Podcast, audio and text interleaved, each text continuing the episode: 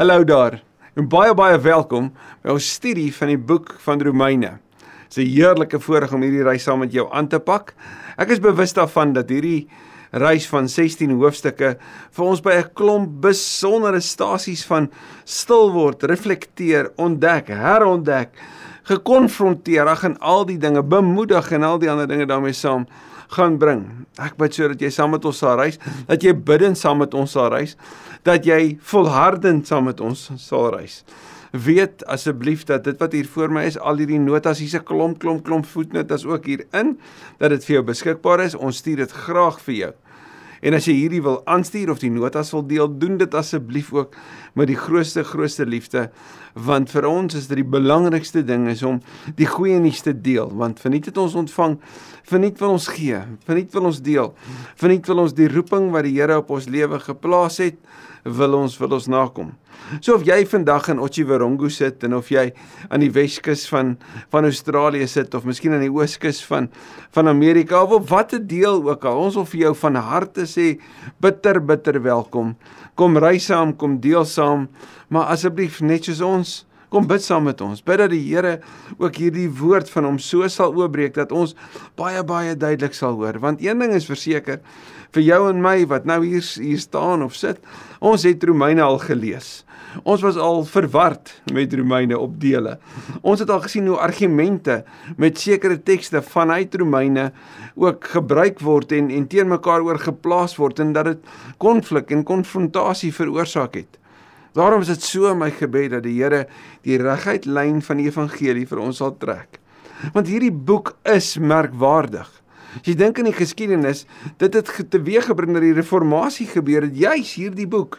Hierdie boek wat wat praat oor vryspraak wat gebeur vanuit geloof maar wat 'n lewensverandering daarmee saam teweegbring. Hierdie boek wat praat oor verhoudings en van hoe dit geleef moet word, oor hierdie een nuwe mensheid, oor die plek van die Jode in die wêreld. Hierdie boek wat wat sê maar maar wat het wat het om tot geloof te kom, wat het vryspraak met geloofsvorming en heiligmaking te doen? Waar kom die Heilige Gees in jou lewe in en hoe tref dit jou gebedslewe? Daai baie bekende Romeine 8:28 en soos daar soveel tekste, soveel verse wat ek en jy ken. Romeine 3, Romeine 6, Romeine 7, Romeine 5. Ag jy kan by almal van hulle gaan stil staan en sê maar hierdie goed het ek al gehoor. Maar ek bid so dat in die kort saamstap met ons wat ons tot op hede het met hierdie boek dat die Here ook vandag met hierdie eerste paar verse ons verbeelding sal aangryp dat ons iets sal beleef van die diepte van hierdie boek. Want ja, soos iemand eendag gesê het, Romeine is 'n styk. Hy's 'n fris styk. Daarom moet jy hom stadig kou. En ons wil stadig stap. So stadig as moontlik, maar so vinnig as nodig. So mag die Here ons hande vat en en deur sy gees ons ook lei. Kom ons bid saam en ons vra dat hy dit vandag sal doen. Here ons Here, hoe wonderbaar is U naam oor die hele aarde. U is die magtige God. U is die getroue Vader. U is die Here, die gesalfde, die redder. U is die Heilige Gees. U is die trooster. U roep ons na familie toe waarin ons kan sê Abba, Vader. U help ons om te ontdek wat dit beteken om vrygespreek te kan wees. Wat dit van ons vra, waarheen dit ons stuur. U is die ewige. Wil U asseblief vandag ook vanuit ons studie van hierdie eerste deel van hierdie kosbare kosbare boek van Romeine. Wil U ons harte so kom aangryp dat dit nou reeds sommer reg in die begin van hierdie reis so so so goed vir ons sal wees. Dat Here ons sal sê ek wil meer hê. Ek wil meer leer. Ek wil meer van U en dat ons in die ontdekking van die meer van U iets ervaar van die Jesus lewe wat die beste manier is om te leef. Dit is die beste vir ons. Ja Here, kom maak ons daai liefdevolste gemeenskap op aarde. Die liefde waarvan Romeine praat. Die liefde wat alles gevra het en wat alles vir ons gee. Ons eer U daarvoor in Jesus se naam. Amen. Martin Luther, Zwingli, en dis meer die manne van die reformatie het in hierdie kosbare boek van Romeine wat anders sou beskryf as die evangelie van Paulus soveel ontdek rondom genade. Maar sien Romeine is 'n boek van aansporing. Dis 'n boek wat wat 'n mens aangryp Paulus skryf hierdie brief aan die gemeente in Rome en dit is baie duidelik ons sal dit later ook sien in hierdie hierdie brief van hulle dat hy 'n klomp van hulle geken het. Maar hy het nie die gemeente geplant nie. Hy skryf dit aan 'n gemeente wat in 'n stad Rome funksioneer, geplant is, 'n stad wat tussen 1 en 1.5 miljoen inwoners reeds gehad het, waarvan sou word daar gereken daar omtrent 60 000 Jode was wat in Rome gewoon het. Hierdie gemeente is dus 'n 'n versameling van Grieke en Jode hierdie Grieke wat wat na ander gekyk het en neergekyk het op hulle, die Grieke wat gedink het hulle is die die kenners van filosofie en van van denke en daarom het hulle gepraat van ander as barbare. Die Jode weer wat hulle self geposisioneer het op 'n plek van ons is God se volk en julle is die heidene, julle is die minder ras. En nou kom al twee hierdie groeperings van mense en en volke as dit ware tot tot tot bekering en hulle word deel van 'n nuwe gemeenskap. En hoe lyk hierdie gemeenskap?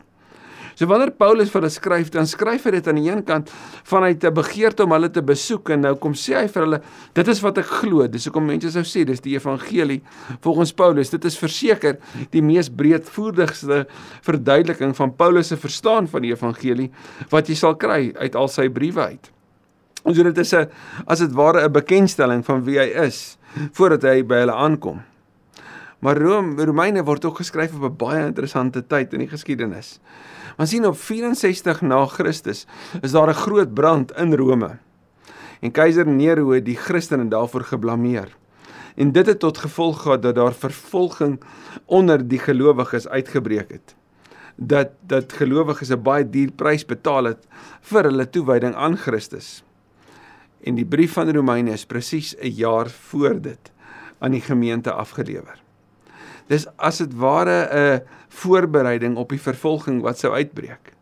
Dis 'n 'n bemoediging voor die tyd. Daarom is dit so belangrik om vanuit hierdie brief te weet dat te midde van die omstandighede wat ek en jy beleef, die waarhede hiervan het soveel vir die gemeente in Rome beteken en as dit vir hulle soveel beteken het, hoeveel nie meer vir jou en my nie. So kom ons kyk waarmee Paulus dit afskop. Onthou die brief van Romeine word geskryf in wat ons noem 'n diatribe styl. Die, die diatribe styl word ook genoem die vroedvrou metode. Dis 'n baie interessante beskrywing, nê? Maar hoe dit werk, is dit werk vanuit vrae en, en antwoord. Dis om te sê ek vra vra en dit lei tot nuwe antwoorde en nuwe antwoorde lei tot nuwe ontdekkings.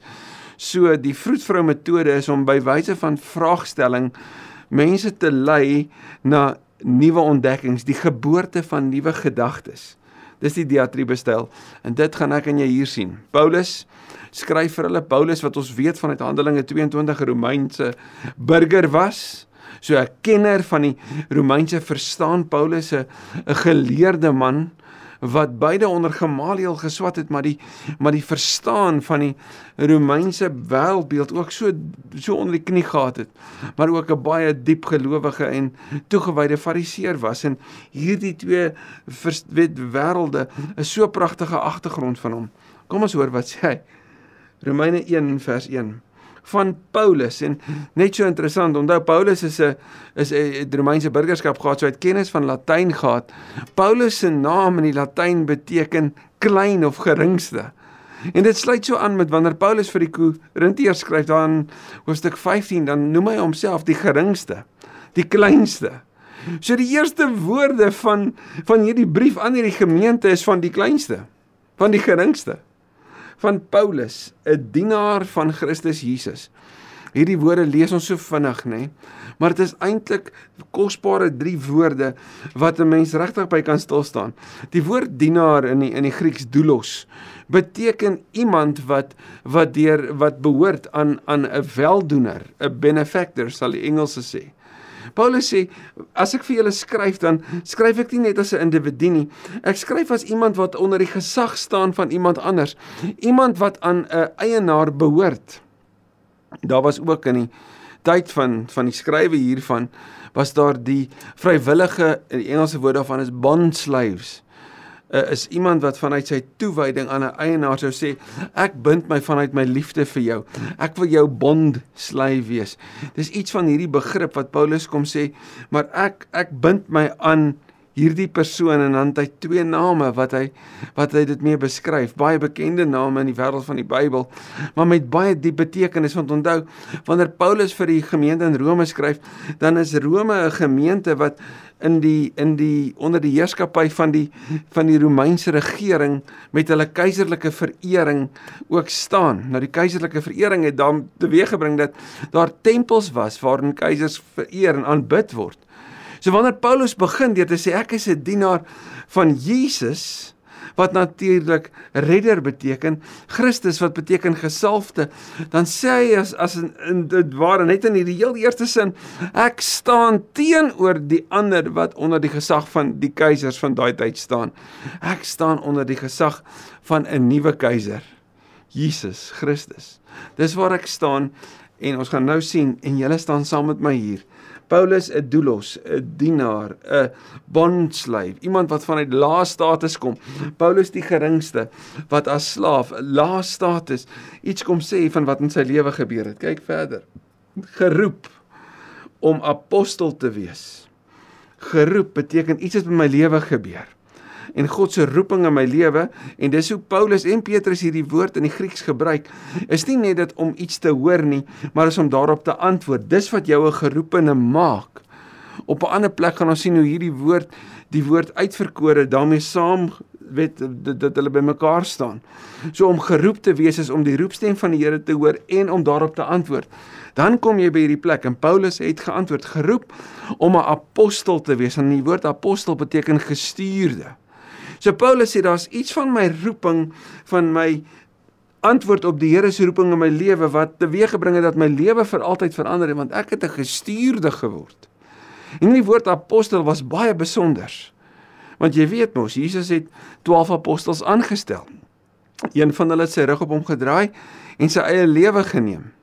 Toe het hulle gaan kyk maar daar in Handelinge, loetjies getrek en Matteus is aangewys. Maar die Here het vir Paulus ook geroep om apostel te wees. En wat het 'n apostel van al die ander onderskei? Wel, die apostels het die opgestane Christus gesien. En Paulus Handelinge 9 sê hy ook. Hy het ook die opgestane Christus gewaar. Hy het die opgestane Christus gesien. Maar dit was ook Paulus se grootste worsteling geweest want hy was nie deel van die groep wat saam met Jesus op aarde gestap het nie en tog het die Here hom geroep om deel te word van die apostelskap. So hy was amper die outsider wat wat met homself moes worstel rondom die feit dat maar ek is ook een van die insiders as ek die die woord so kan gebruik. Een van Paulus se grootste struwelinge is om te kon wys maar maar ek is deur die Here aangewys. Ja, ek het dalk nie in julle binnekring saam mee beweeg nie, maar ek hoort saam. En ons sien wanneer Petrus later oor Paulus praat dan skryf hy in sy brief in 2 Petrus van Paulus se woorde wat soms moeilik is, maar so leersaam. Selfs Petrus moes erken hoe Paulus hom tereggewys het. Gaan kyk maar 'n bietjie verder daar in Galasiërs en dis meer. So Paulus 'n dienaar, 'n 'n apostel wat geroep is. Dit het met hom gebeur in Christus Jesus. Afgesonder vir die evangelie van God. Afgesonder, eenkant gesit. Afgesonder is ook die woord wat gebruik word hagioi vir heilig is om eenkant gesit te word. Dis wat gebeur met 'n bruid wanneer 'n bruidegom haar vra om te trou en sy daarop antwoord, dan word sy eenkant gesit ter voorbereiding. En waarvoor sê Paulus in sy lewe is hy eenkant gesit? Die die roeping, die fokus, die punt van sy lewe is om as heilige die evangelie van God te verkondig. Hierdie evangelie is 'n nuwe begrip wat Paulus geleer het verander, naamlik die goeie nuus. Die goeie nuus van Jesus Christus. Dis natuurlik 'n woord wat Markus by Paulus sou hoor en wanneer Markus sy evangelie skryf, is dit waarmee hy begin. Hierdie is die goeie nuus van Christus Jesus. So Paulus begin wanneer hy vertel van sy sy sy sy weet sy verbondenheid met Christus, met Jesus Christus, dat dit wat hy gaan deel is goeie nuus. Goeie nuus vir die gemeente, maar ook goeie nuus vir die wêreld. Vers 2: Hierdie evangelie het hy vooruit deur sy profete in die Heilige Skrif aangekondig. Iemand beskryf dit so: Jy kan na 'n teleskoop kyk Soos wat jy na hierdie kamera wat hierna toe kyk kan kyk en jy sien net 'n teleskoop. Maar wanneer jy deur 'n teleskoop kyk, dan sien jy iets anders. Wanneer jy deur die lens van die kamera kyk, dan sien jy iets anders. En wat Paulus sê is dat wanneer jy deur die lens van die Ou Testament, van die skrif, van die profete en die woord profetes in die Grieks dui nie op toekomsvoorspellers nie, maar dis hoe dit verstaan was ook veral vanuit die Ou Testament, mense wat God se wil in daai konteks bekend maak. Mense wat sê wat die Here wil sê. Jy sou kon sê mense wat 'n spreekbuis is wat stem gee aan God se wil vir 'n bepaalde situasie. Nou kom sê Paulus, as ek en jy deur die lens kyk van die profete en die heilige skrifte, gaan ek en jy sien alles, alles, alles dui op Jesus Christus. Jesus is die vervulling daarvan. Hierdie evangelie het hy vooruit deur sy profete in die Heilige Skrif aangekondig. Hierdie belangrike van hierdie eerste deel kom sê vir jou en my klaar wat Paulus nou gaan oopbreek. Dis in hierdie eerste verse van hoofstuk 1 tot en met die einde van hoofstuk 4 kom wys Paulus vir ons oor die evangelie, die goeie nuus is God se antwoord vir die probleem met sonde. Daar's hierdie groot probleem. Die mens het sonde. Hoe deel die mens daarmee? Hoe hanteer die mens sonde? En hy gaan vir ons dit wys. Hy sê maar wat is God se antwoord daarop? Dis die evangelie, die goeie nuus en dit gaan oor Jesus Christus. Dis aangekondig en dit handel oor sy seun. En kyk hoe beskryf hy Jesus. Hy beskryf Jesus vanuit sy menslikheid, maar hy beskryf Jesus ook vanuit sy goddelikheid. En dis die twee dele wat van Jesus die enigste moontlike verlosser van alle tye maak. Volledig God, volledig mens. Kyk net mooi. As mens is hy uit die geslag van Dawid gebore. Dit dui op sy menslikheid.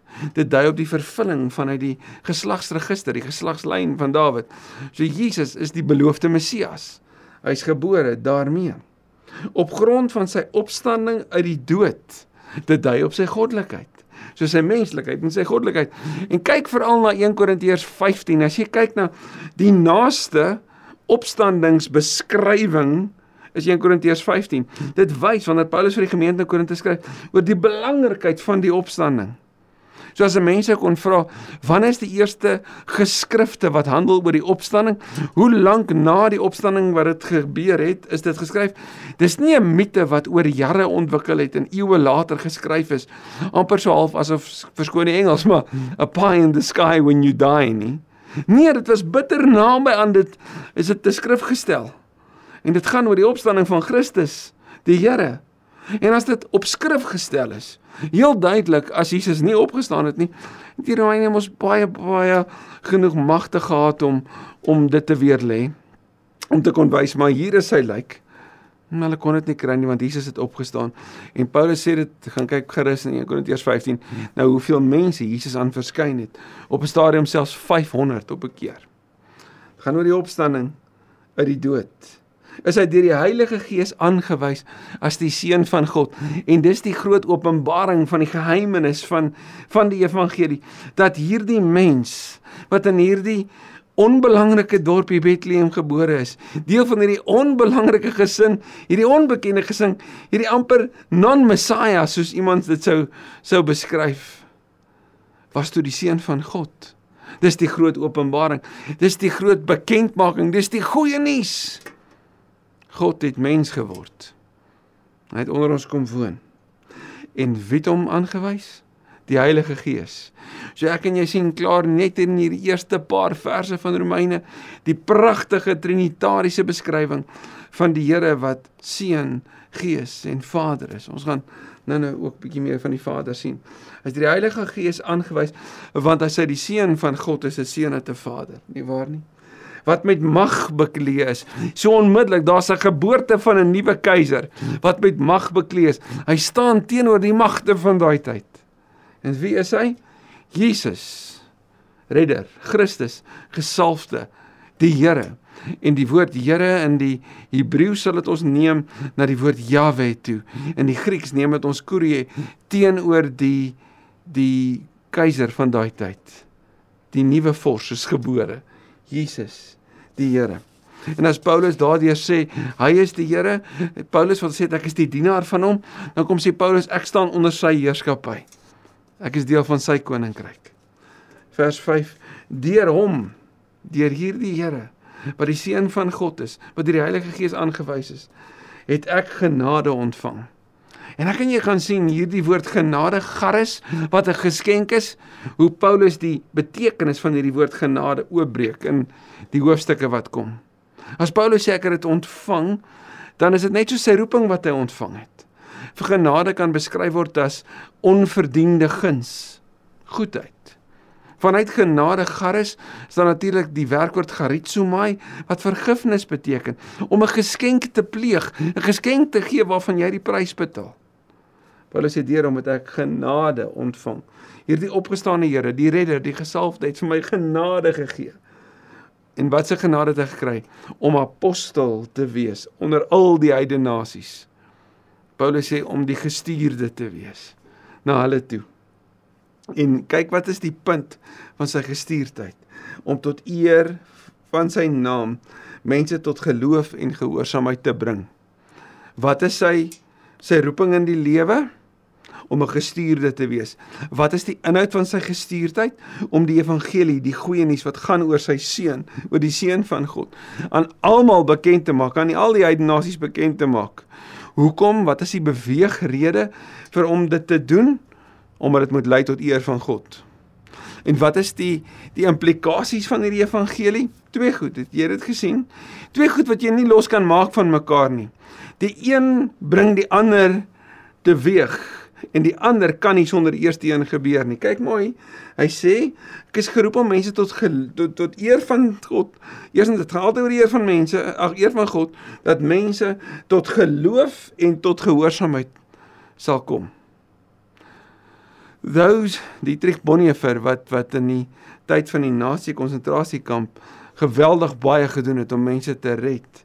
En 10 jaar later die prys daarvoor betaal het het in sy boek discipleship 'n baie briljante boek geskryf those who believe obey. And those who obey believe. Jy kan dit nie van mekaar skei nie. Maar sien wanneer jy tot geloof kom dan loop dit uit op jou dade. En jou dade is 'n bewys dat jy glo.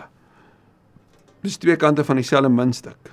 Maar nee, dis nie jou dade wat jou na geloof toe lei of wat wat meebring dat jy gered word nie. Dis jou geloof wat jou red. Maar geloof loop uit op dade en jou dade wys dat jy 'n gelowige is. Dis onlosmaaklik deel daarvan. Jy kan nie sê ek glo en dan leef soos jy geleef het nie jy's nou 'n nuwe mens, sal 2 Korintiërs 5:17 sê. Kolossense 3 dit sê. En sê 'n nuwe mens trek nuwe klere aan. Jy leef nuwe 'n hele nuwe lewe. Maar Paulus sê baie duidelik hier reg in die begin, die punt is die Heer van God. Dit gaan oor die evangelie. Dit is daar vir die heidene nasies. En dit gaan oor geloof en gehoorsaamheid, want ware geloof word sigbaar in ware gehoorsaamheid. En ware gehoorsaamheid is 'n aanduiding van die geloof in jou lewe vers 6.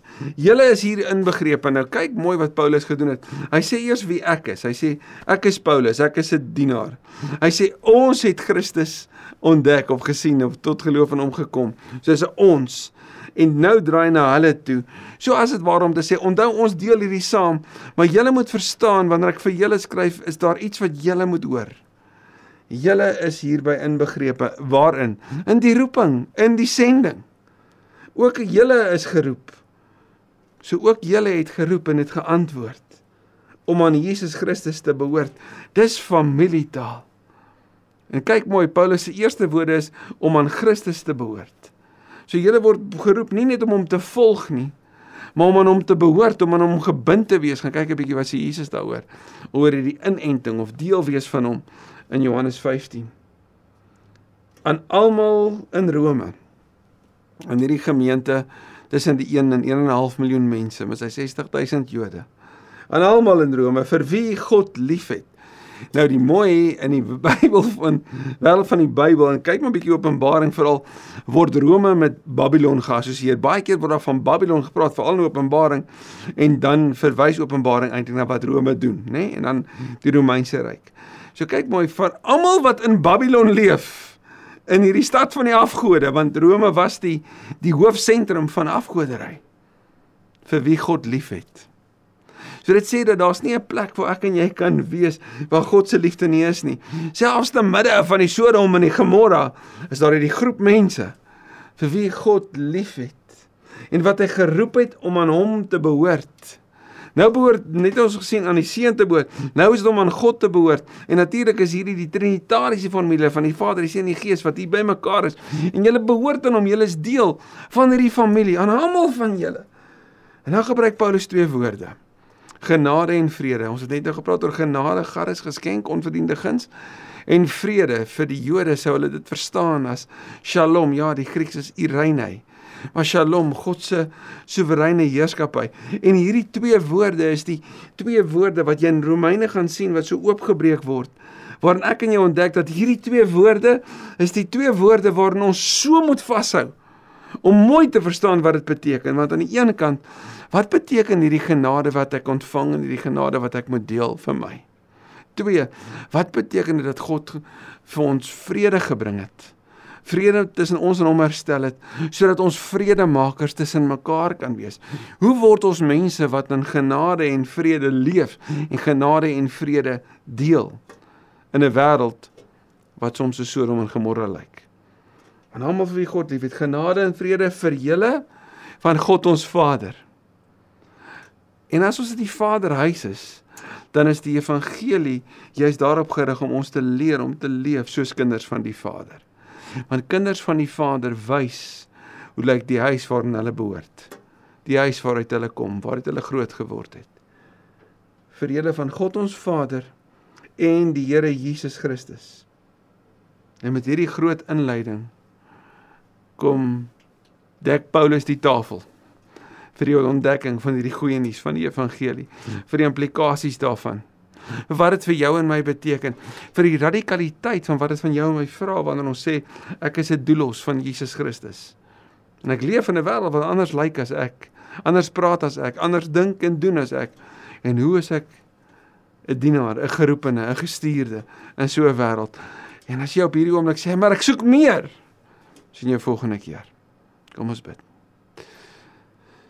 Here Jesus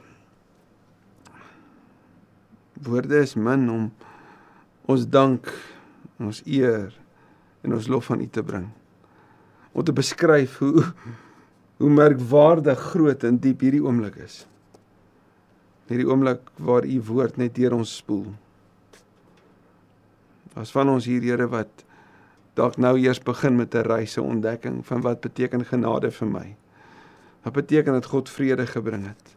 Wat beteken dit dat ook ek hier waar ek sit Miskien op 'n plek in my lewe waar ek dit die minste minste verdien of voel ek dit verdien.